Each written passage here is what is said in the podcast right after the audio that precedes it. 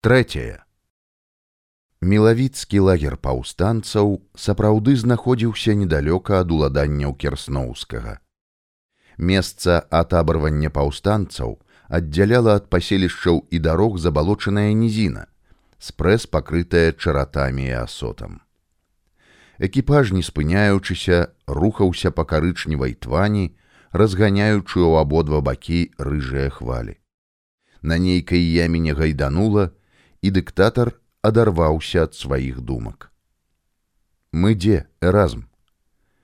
Пад'язджаем ужо за ўзболаткам паўстанцкія атрады. Каліноўскі ажывіўся, пачаў аглядацца, ацэньваючы тэрыторыю, адзначыў: добрую мясціну выбраў Александр Лянкевич. Добрую згодзін, умее наладзіць любую справу. Тым часам першая брычка ўз'ехала на ўзгорак. Дарогу далей перагарадзіла група невядомых людзей. Аказалася, што іх заўважылі яшчэ на далёкай адлегласці. Вартавы з пільным позіркам адразу падаў сігнал начальству, што ў бок паўстанцаў рухаюцца дзве брычкі. Што за госці павінны былі прыбыць у лагер, ведалі загадзя. Веставы папярэдзіў ландара. Брычка, у якой сядзелі разам і вікенцій, спынілася. Выйшаўшы з конкі, вікенцій пацягнуўся, памахаў рукамі. А потым накіраваўся да кубкі людзей, што перагарадзілі дарогу. Каго любіш, інсургент, люблю Беларусь, камісар ваяводства. То і ўзаемна. Што камандзір ваш на месцы? Так, на месцы. Усе разам накіраваліся ў гушчар лесу.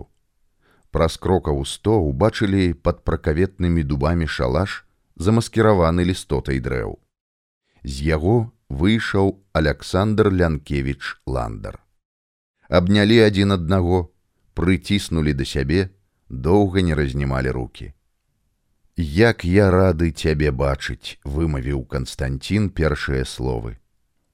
І я цябе таксама, дарагі мой дружа, Як добра, што ты знайшоў час завітаць да нас. Неўзабаве мы павінны ўступіць у бой, а твой прыезд падтрымае паўстанцаў, прыдасць сілы. Твару Александра абветраны, загарэлы, смаляны чуб гайдаўся ў такт руху галавы. Прашу садіцца, панове. У нас няма шыкоўных крэслаў, але затое ёсць бярозавыя лаўкі. Паўстанцы зрабілі з паваленых і абчасаных бяроз нешта накшталт амфітэатра. Калі прыходзілі камандзіра атрадаў да Лянкевіча на нараду, то кожнаму знаходзілася месца. І Лянкевічу было зручна весці з імі гутарку, бо кожны быў на відавоку. Заблоцкі павёў гутарку з керсноўскім і свяржынскім. Ландар прапанаваў каліноўскаму: Пайшлі ў мой шалаш дружа, пагамонім. Кастусь сеў на самаробнае крэсла, засцеленае шэра-зялёным прасцірадлам, агледзеў жытло начальніка паўстанцкага лагера. Ложак збіты з бярвенняў, салома зверху, падушка. Кажушок на слупе, ночы холодныя. Які настрой маеш, спадар Александр. Ці не шкадуеш, што ўзяўся за такую справу. А чаго тут шкадаваць? Каб жыццё належала толькі сабе, гэта было б адно, А калі належыць айчыне і Богу, то гэта ўжо абавязак. І што б не чакала наперадзе, ніякага сумневу не павінна быць. Дякую за такія словы дружа. А як пачуваюць сябе кіраўнікі атрадаў млотка, меладоўскі, уладак, юндзіл. Я імі задаволены. Хлопцы, што трэба, адчайныя, смелыя, так і іншыя паўстанцы. Не раз чуў, як казалі, лепш загінуць ад кулі, чым ад царскіх батагоў. Мы тут трымаемся, клятву далі на вернасць паўстанню. А ты як? Мусіць жа нялёгка ў сённяшніх варунках, га. Дыктатар маўчаў. Не хацелася прызнавацца ў сумневых расчараваннях, але жы ў душы не хацеў трымаць. Карцела выказацца. Ты ж ведаеш і згодзін з тым, што паўстанне было абвешчана без агульнага рашэння. Нечакана яго абвясцілі. Не саспела яно да канца, не падрыхтавалі мы ўсё так, як таго вымагала сітуацыя. А мяне паставілі перад фактам. Ландар згаджальна кіўнуў галавой. Таму нам прыйшлося прымаць нейкія меры. ЛПК мы ператварылі ў часовы ўрад літвы і беларусі.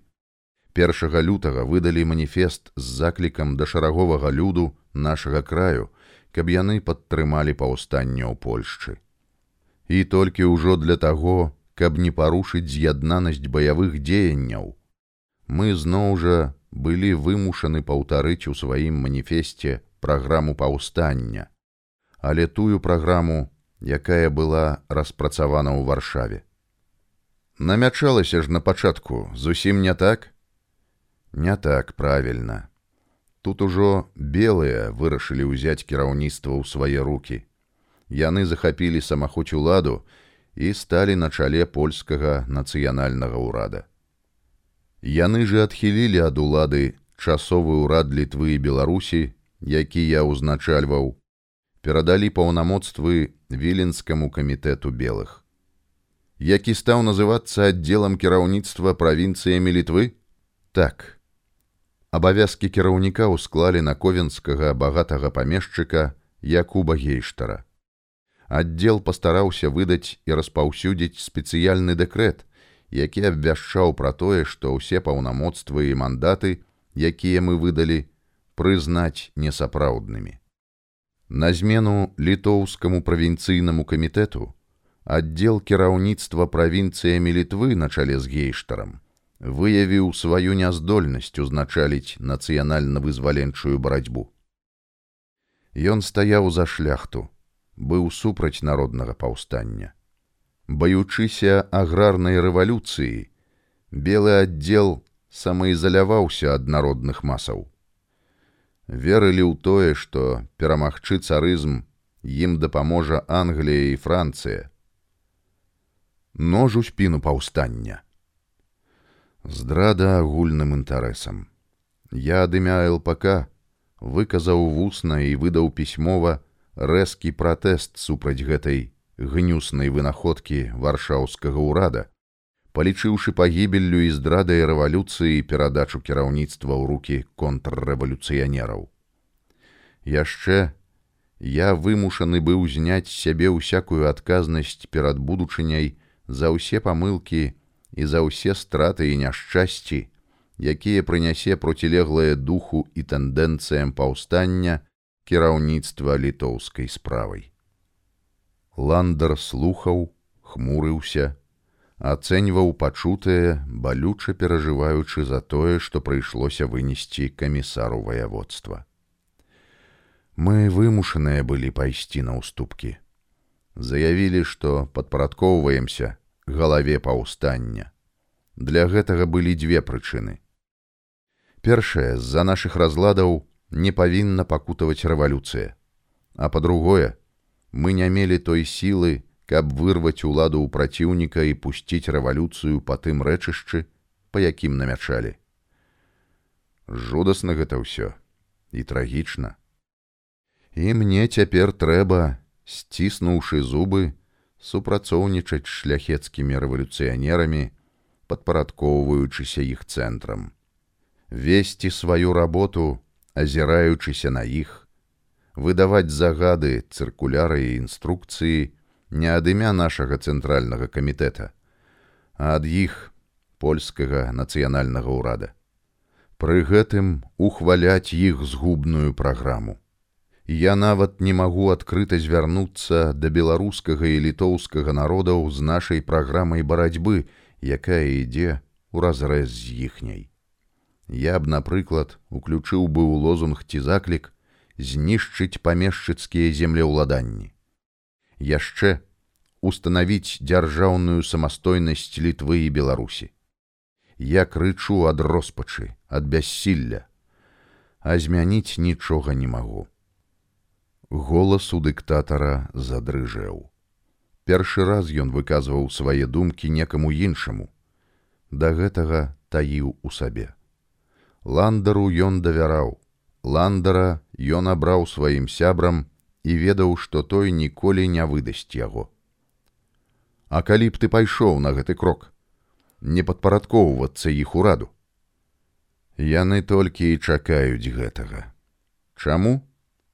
А ім тады лягчэй, і ёсць усе падставы для таго, каб аб'явіць камісара гараднянскага ваяводства здраднікам. А па законах рэвалюцыйнага часу гэта зразумеў, не працягвай далей. Ты як паміж дзвюма віселіцамі, мураўёўскай і белага ўраду, правільна, папаў у нерад, ні ўзад, ні ўперад. Ты мяне разумееш, белыя прынялі рашэнне аддаць мяне свайму суду. Па маёй справе распачалі следства. Тады выходзіць мы абмежаваныя ў сваіх паўстанцкіх дзеяннях. Нельга падняць сялянства на барацьбу, асабліва на Беларусі і літве, хаця для іх лозунгі польскіх шляхецкіх рэвалюцыянераў аб аднаўленні рэчы паспалітай у межах 1772 года чужыя і дзікія але паўстанцы кіруюцца той інструкцыяй, якая дасланая ў атрады. Інструкцыя з нейкім падтэкстам. Яна як быццам і ад белых, і як бы ад чырвоных. Я бачыў паўстанцкую інструкцыю, але там не значылася пункта под нумаром 8. Мне здаецца, гэты пункт абвастрае барацьбу паміж чырвонымі і белымі ў лагеры вызваленчага руху. Не ведаю, покажы подполковнік ландар падаў паперчыну напісаную ад рукі на якой стаяла пячатка літоўскага правінцыйнага камітэта тэкст быў знаёмы і незнаёмы над ім нехта папрацаваў не ўзгадніўшы з кіраўніцтвам то на пачатку была інструкцыя паўстанцкіх уладаў царства польскага але хто яе апрацаваў рэвалюцыйны камісар уважліва ўчытаўся ў тэкст. Інструкцыя часовага правінцыйнага ўрада літвы і беларусі камандзірам паўстанцкіх атрадаў. Канец лютага 1863 года. Паўстанцкая інструкцыя. Кожны камандзір асобнага паўстанцкага атрада да тае пары, пакуль не ўступіць у сувязь з ваенным начальнікам ваяводства, з'яўляецца паўнаўласным правіцелем занятай ім мясцовасці, гаспадаром жыцця і смерці ўсіх сваіх падначаленых. У кожным няцерпячым пераносу выпадку ён сам смела вырашае пытанні, зыходзячы пры гэтым толькі з галоўных прынцыпаў, абвешчаных нацыянальным урадам. Камандзір атрада карыстаецца наступнымі правамі. Першае адбіраць з выдачай адпаведных квітанцый агнястрэльную зброю, якая будзе выяўлена ў прыватных асобаў, а таксама косы, коней, правіянт, адзенне і падводы для перавозак. Другое. Выносіць неадкладныя прыгаворы вядомым здраднікам і шпіёнам, а таксама асобам, якія будуць аказваць супраціўленне яго распараджэнням. Камандзір атрада мае наступныя абавязкі. 1. Да тае пары, пакуль ён не збярэ дастаткова сіл, ён павінен пазбягаць рашучых сутычак з войскамі, нястомна, аднак загартоўваць сваіх падначаленых пастаяннымі нападамі на больш дробныя непрыяцельскія атрады, раскіданыя па краі і раззбройваць іх. 2. У мясцовасцях, занятых паўстанцамі ці нанова займаемых, абвясціць і неадкладна прывесці ў выкананне дэкрэт часовага ўрада аб надзяленні сялян зямлёй. 3. Знішчаць усе да гэтай пары існуючыя ўлады і ўстанаўліваць на іх месца нацыянальныя ўлады ва ўсіх мясцовасцях, якімі ён валодае.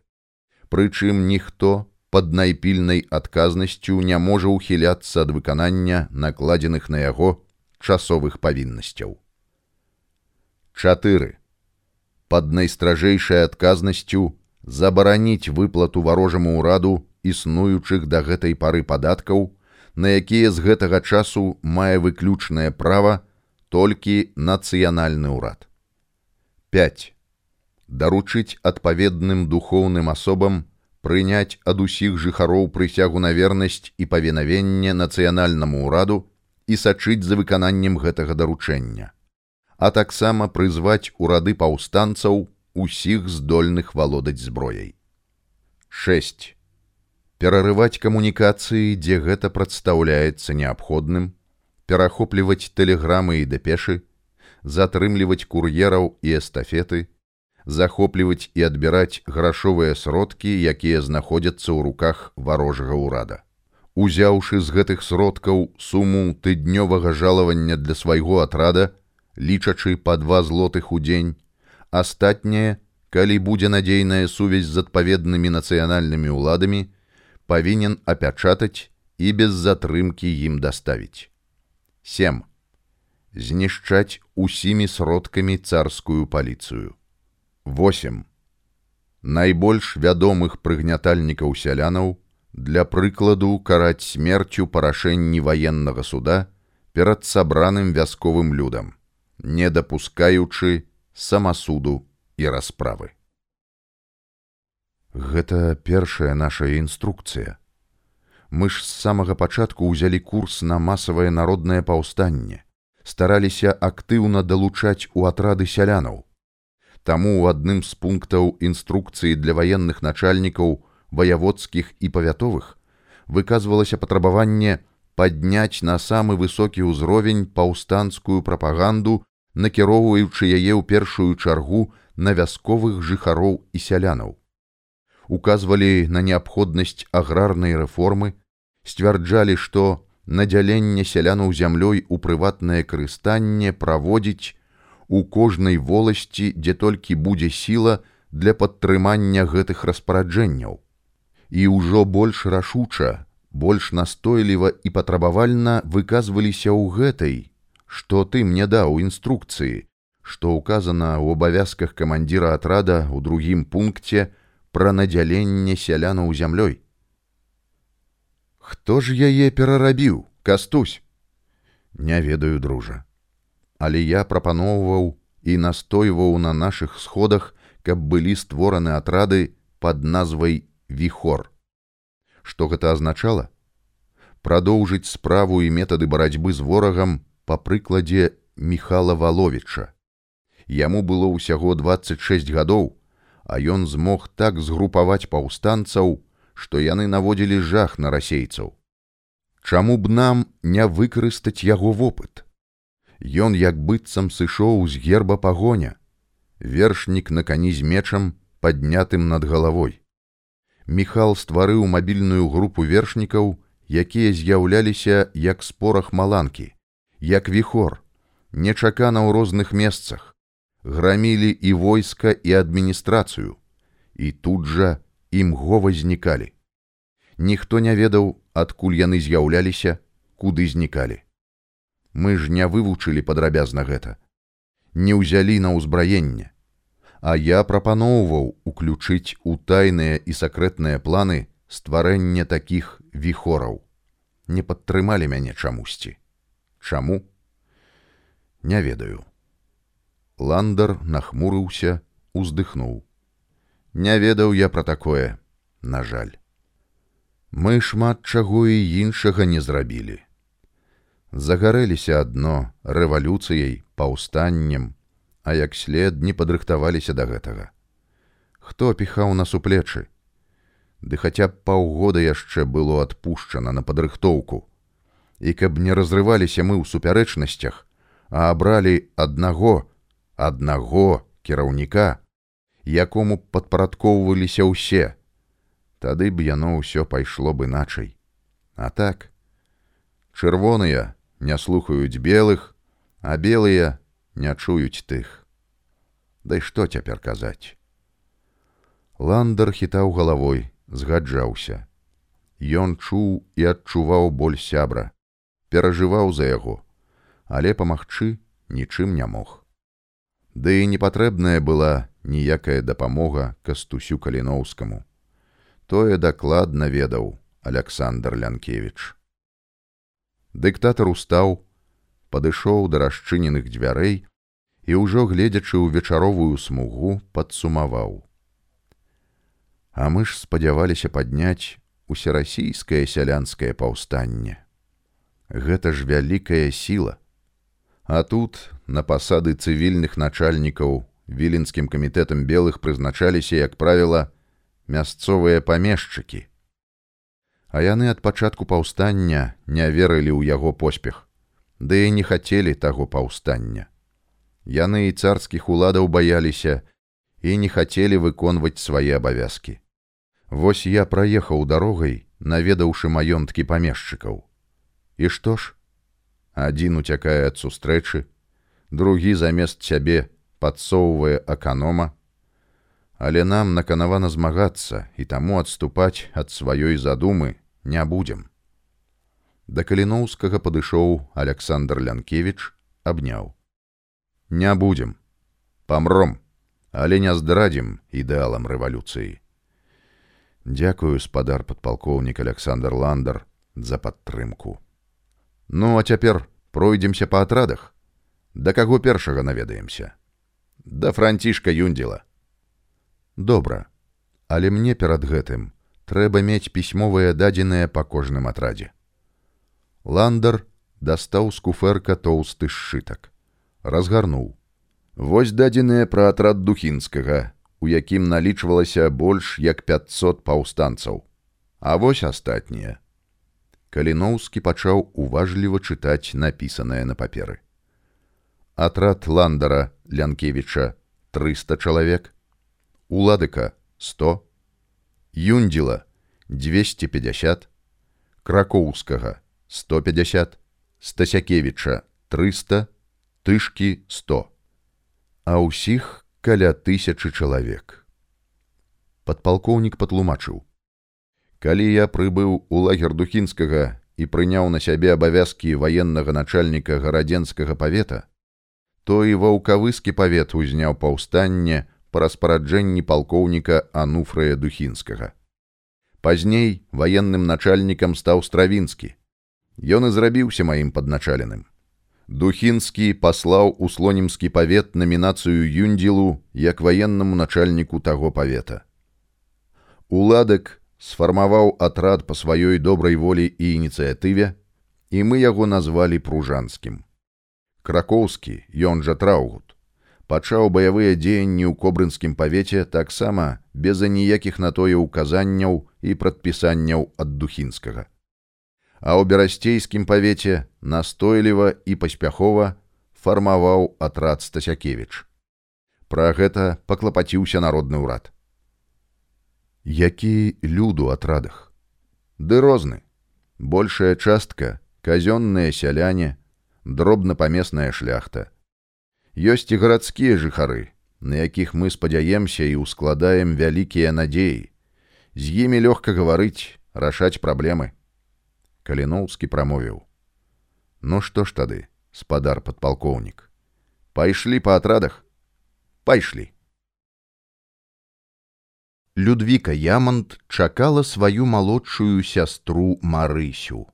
Яны павінны былі разам пайсці на сходку жанчын ніякай мэты той сходкі не ставілася, просто рашылі разам сабрацца ды пагаварыць пра сваё жыццё. Калі дзеі збіраліся раней, то больш скардзіліся, што жывуць усе паасобку, разрознена, нецікава. А давайте пачнем збірацца ў каго-небудзь. Тады Людвіка здзіўлена паглядзела на сястру, подумала: малайчына, хорошы завадатар. А што? подхапіла каржанеўская, што прагульвалася разам з імі каля вострай брамы. І гэта будзе накшталт жаночага гуртка, праўда? Во як здорава! У Маскве ды Петербурзе, варшаве ды ўроцлаве чула існуюць салоны ды гурткі. Літаратурныя, духоўныя, яшчэ нейкія, А ў нас чаму б не стварыць? У мяне і наладзім першую бяседу. А колькі нас можа сабрацца, тут жа попыталася Марыся. Трэба палічыць, з кожнай пагаварыць. Думаю, ніхто не адмовіцца. Мы ж не змоўшчыкі якія-небудзь, а светскія інтэлігентныя жанчыны. Мы ж і дабрачыннасцю можам займацца, у лякарні хадзіць, лекі хворым даваць. Людвіка слухала іх размову, не ўмешвалася, адзначаючы пра сябе, што добра яны прыдумалі, а калі прыдумалі, то не адступяцца ад сваёй ідэі. Асабліва марыся. А ты, Людвіка, як глядзіш на гэта? папыталася сястра, адчуўшы няёмкасць, што тая неяк аказалася ў баку ад такой важнай размовы. Я, як і вы, сціпла адказала дзяўчына, Чаму ж я павінна не падтрымаць вас? Церусіў дробны дождж, то набіраў сілу, то зусім пераставаў. Неба набрыняла свінцовымі воблакамі, і яны нізка сцяліліся над вільняй. Не скучно ли, уважаемая сударыня, стоять вам одной под этим дождем? Яна і не заўважыла, як да яе падышоў невядомы юнак у плашчовай накідцы, фуражцы з цэшкай, ці то вайсковец, ці то жандар. Хацела сказануць нешта вострае, што ён асмеліўся вось так проста падысці да невядомай жанчыны, але адказала коротко і сціпла: « Не, мне не сумна. Люблю такое надворье. О, вы, значит, мечтательница? Ды не. Просто падчас такога ціхмянага дажджу прыходзіць цішыня, а цішыня — гэта добра. Ради бога, извините, что так внезапно подошел к вам. Хочу представиться, чтобы не прослыть мужланом. Честь имею. Фавелин. Доктор Фавелин. Несколько лет назад здесь был расквартирован казачий полк, вот я и остался в Вильно. Яна больш уважліва паглядзела на яго, як быццам магла ўгледзець у ім больш таго, што пачула. Людвика, Людвика Ямонт. А вы кого-нибудь ожидаете? Простите, ради бога, не знаю и сам, как получилось, что захотелось подойти к вам. Стоит под дождем девица, мне показалось, что вам нужна помощь. Дзяўчына заусміхалася, пахітала галавой. Ды не, я просто чакаю сваю сястру Марысю. У гости собраліся з ёю схадзіць. Вы меня хоть понимаете? апамяталася Людвіка, што размаўляе з ім на літвінскай мове, или мне перейти на российский говор? Да нет же, нет, я отлично понимаю ваш белорусинский язык, с упокоил яе Фавелин, и даже прошу вас разговаривать на нем. Мне он кажется таким певучим и мелодичным. Недаром же великий Адам Мицкевич сказал, что ваш язык самый лучший из всех европейских. И его слова не оспаривал даже Пушкин. Ужо и дождь перастаў, и солнце выглянуло з-за аблокаў, асвяціўшы плошчу и вылучыўшы вострую браму. Людвіка опусціла парасон, склала яго. Нешта яшчэ хацеў сказаць доктар, але Людвіка здалёку ўбачыла Марысю і радасна памахала ёй. Сястрыца лёгкай паходкай накіроўвалася да іх. Добры дзень, павіталася з незнаёмцам, зацікаўлена гледзячы на яго. Здравствуйте, сударыня Марыся, ледзь нахіліўшы ў паклоне галаву, адказаў юнак. Вы ведаеце, як маё імя? Здзівілася Марыся, гледзячы ўжо на сястру, як бы пытаючыся ў яе, то ты сказала так? Людвіка ледь прыкметна пачырванела. Потым, апамятаўшыся, прамовіла: « Марыську, пазнаёмся. То есть лекаш Фавелін. Доктор Фавелін падзівілася малодшая сястра. Гэта той доктар, які служыў у казацкім атаманскім палку і пасля яго расквартавання застаўся жыць у вільні? Тот самый, вы не ошиблись. И я прошу прощения, что смутил и вашу сестру, и вас. Я впервые встретил Людвику, и это произошло несколько минут назад. Мы мило беседовали, а виной всему дождь. Я увидел одинокую девушку под зонтом — и не удержался, подошел, спросил, не нужна ли моя помощь. Марыська засмяялася. Гэта нешта новае. Мая сястрыца знаёміцца з вайскоўцамі ў дажджавое надвор'е. Марыся папераджальна паглядзела на яе Людвіка. Людвіка, я нічога кепскага не падумала. А што з табой пазнаёміўся доктар, дык гэта ж вельмі добра. Цябе ж разгаварыць, тым больш незнаёмаму юнаку гэта праблема. А пан Фавелин разумее нашу мову? Мы с Людвикой обсудили этот вопрос. Я понимаю белорусский язык. Я даже могу прочитать по памяти несколько строчек вашего известного поэта Владислава Сыракомли. Марыся з яшчэ большай цікавасцю і здзіўленнем паглядзела на Фавелина. Вы яго ведаете? Знаком. Были в одной литературной компании, где он читал свои стихи. Каб вясне зарабіць дарогу, каб калісь вярнуўся рай, Слова праўды, пакуль змога, мусіш слухаць родны край.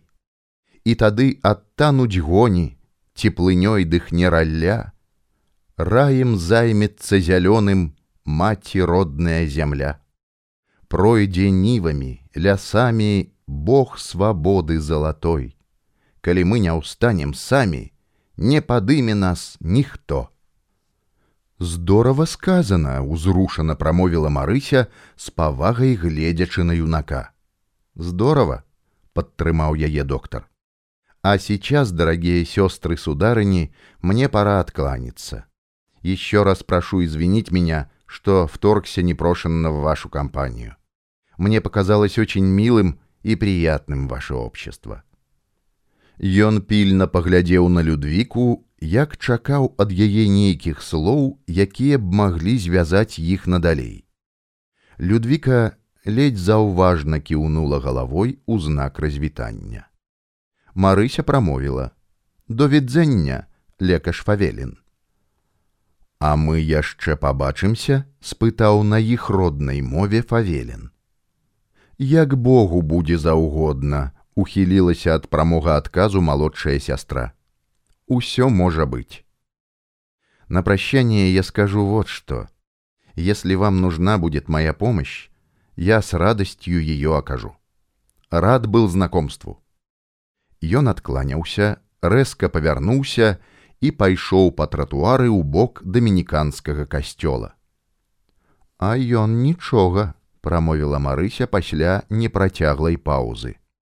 Відаць, разумны чалавек. Хто яго ведае, уздыхнула Людвіка. Адразу Марыська не вызначыш. Яна баялася, каб іх сустрэчу Марыська не падняла на смех бо тая была вялікай перасмешніцай, але ад малодшай сястры яна не пачула ніводнага слова падначкі.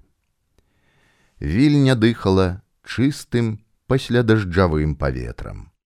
Сонца старалася высушыць мокрыя вуліцы і дахі дамоў.